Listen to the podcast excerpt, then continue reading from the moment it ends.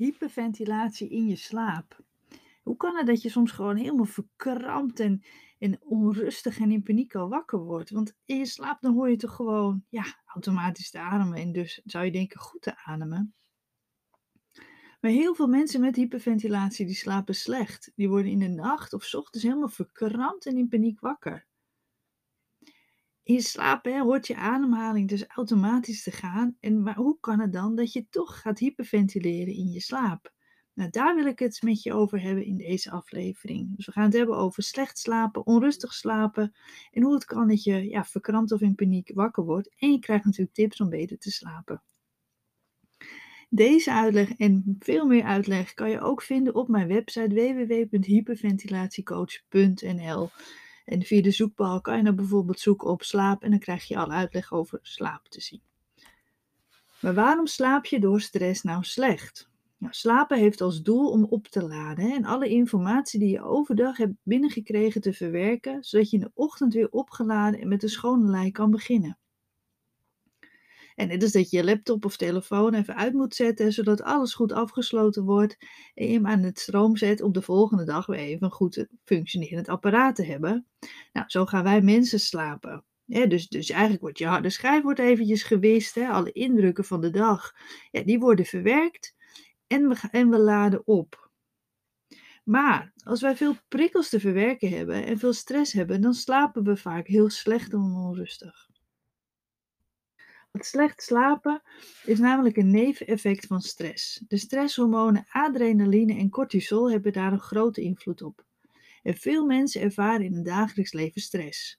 Een baan waarin je niet gelukkig bent, een druk leven waar je heel veel moet, ja, niet zo prettige thuissituatie. Dat zijn een paar voorbeelden van, van stressfactoren. Nou, dit zorgt ervoor dat je cortisolniveau hoger is dan dat het zou moeten zijn. Een te hoge waarde van het stresshormoon cortisol in je bloed zorgt ervoor dat je moeilijker kan ontspannen, je onrustig voelt, maar dus ook dat je slechter inslaapt. Ook slaap je daardoor vaak lichter en ga je levendige dromen. En die levendige dromen die kunnen weer nachtmerries worden. Of er niet dromen zijn die maar terug blijven komen in de nacht. Ik ken je wel dat, je, dat, dat het maar terug blijft komen, dat je er een beetje in blijft hangen.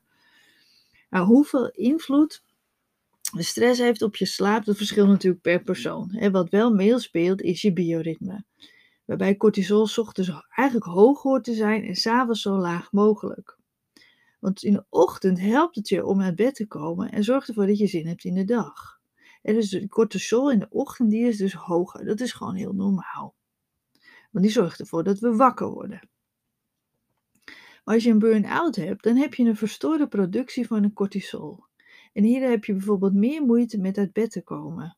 Het is omdat dit, dat level van het cortisol, dat is dan verstoord. Want overdag is de bedoeling dat het cortisolgehalte in je bloed daalt.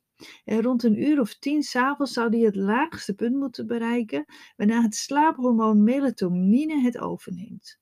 Nou, melatonine is eigenlijk een tegenpool, is ook een hormoon van cortisol. Het zorgt ervoor dat je in slaap valt en nog belangrijker, dat je doorslaapt. Blijf je te veel stress ervaren in de dag, ontspan je te weinig, dan zakt je cortisol level onvoldoende. En kijk je bijvoorbeeld in de avond nog op je telefoon of kijk je een spannende film op de tv, dan verstoort dat ook nog je melatonine. Dat ken je allemaal wel eens gehoord, dat die blauwe, dat blauwe licht, die schermpjes, dat dat ervoor zorgt dat je gewoon slechter kunt inslapen. En dat heeft dus met dat melatonine, met dat slaaphormoon te maken. Je melatonine aanmaak kan je stimuleren door het vermijden van zoveel mogelijk kunstlicht. zoals je telefoon, tv en je tablet maar ook door je lichaamstemperatuur te verlagen. In dit geval is een warme douche dus niet aan te raden vlak voor het slapen. Want het is beter dat je de temperatuur naar beneden gaat. En met een warme douche verhoog je hem natuurlijk juist. Daarnaast is intensief of ja, sporten in de avond dan ook niet aan te raden, omdat je dan ook weer cortisol en adrenaline aanmaakt. Dus als je sporten en bewegen is natuurlijk super belangrijk, maar dan is het vaak beter om dat dus in de ochtend of in de vroege middag te doen en niet tegen de avond of in de avond. Want dan maak je juist weer die hormonen aan die invloed hebben op dat slaaphormoon. Voor een goede aanmaak van melatonine heb je ook vitamine D nodig. dat is een zonlichthormoon. En daarom is het belangrijk om overdag even naar buiten te gaan en wat zonlicht te tanken. Maar in de periode, eigenlijk van oktober tot april, is onze zon zo, uh, zo weinig kracht. Uh, is hij niet hoog genoeg ook. Um, en is er ook helaas niet zo heel veel zon. Dus is dat vaak onvoldoende. En daarom is het heel belangrijk dat je met deze klachten bloedonderzoek laat doen om te kijken hoe hoog jouw vitamine D-gehalte is. Dan heb ik het niet alleen over het slechte slapen, ook over de hyperventilatieklachten en de spierpijn en de vermoeidheid en de onrust. Want vitamine D kan daar een hele belangrijke rol in spelen. Die moet echt wel voldoende zijn.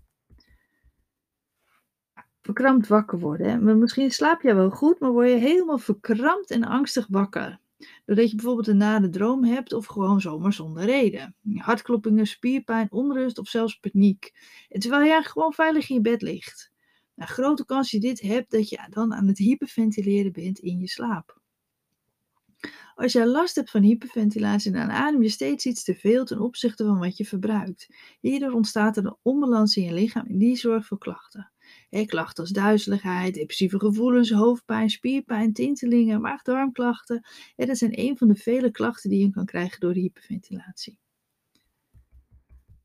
hoe kan het dan dat je gaat hyperventileren in je slaap? Want je ademhaling gaat toch s'nachts vanzelf. Dus hoe kan het dan dat je even goed nog te snel ademt?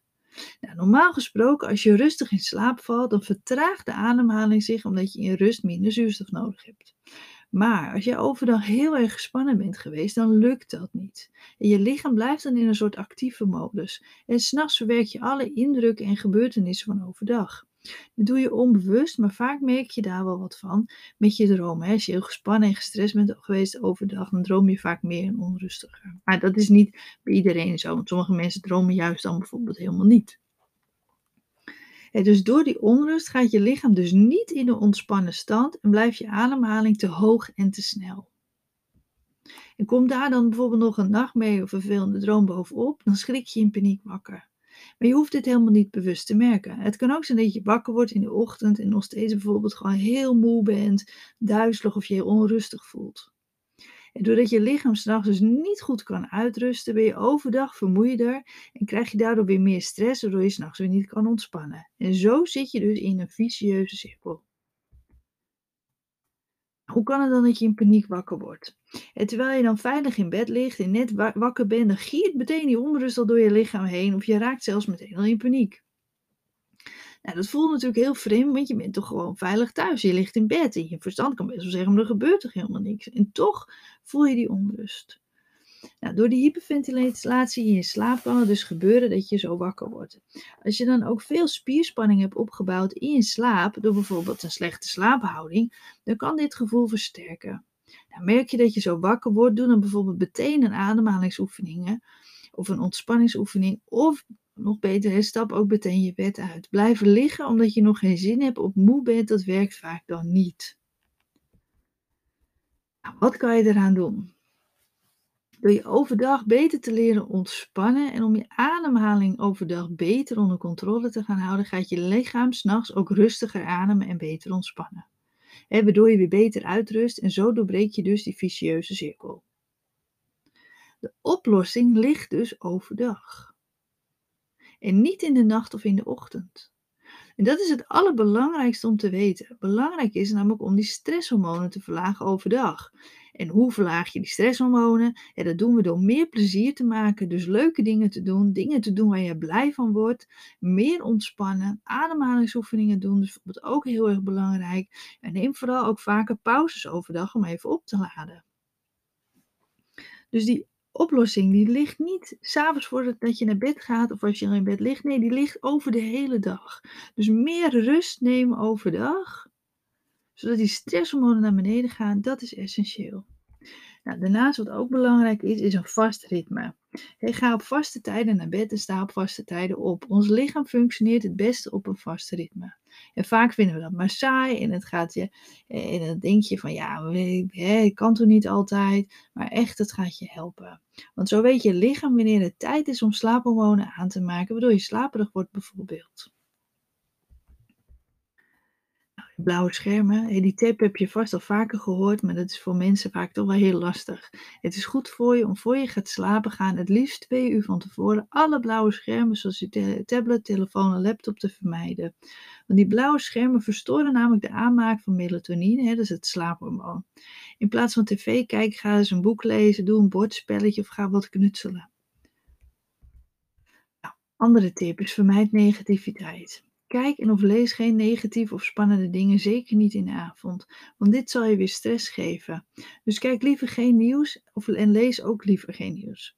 Maar ook een spannende serie of een boek waar je helemaal ingetrokken wordt in het verhaal, dat kan je vaak beter eventjes niet doen. Ik kijk dan bijvoorbeeld of lees, kijk liefst natuurlijk geen tv, maar als je iets gaat lezen, lees iets luchtigs, iets vrolijks, iets waar je blij van wordt, wat geen extra stress of negativiteit geeft.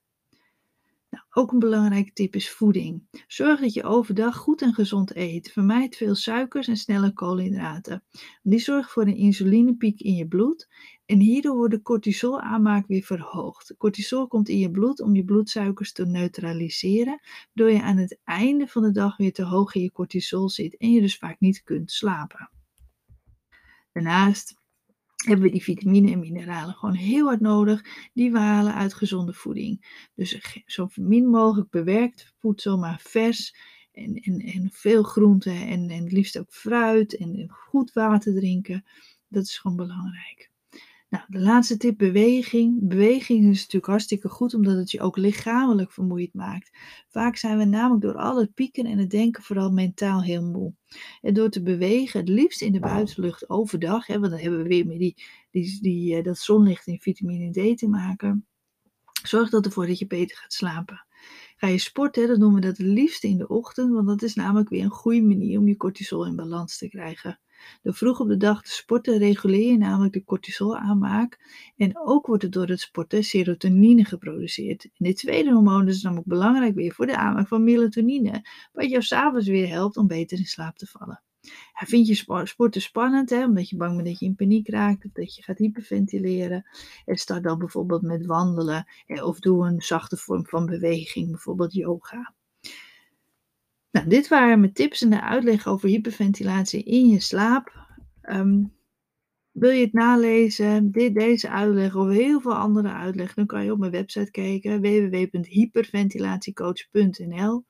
Daar staat superveel uitgelegd met tips en alles. En ook kan je bijvoorbeeld een van de cursussen volgen om te, je ademhaling beter onder controle te krijgen, beter te leren ontspannen. Bedankt voor het luisteren en tot bij een volgende aflevering.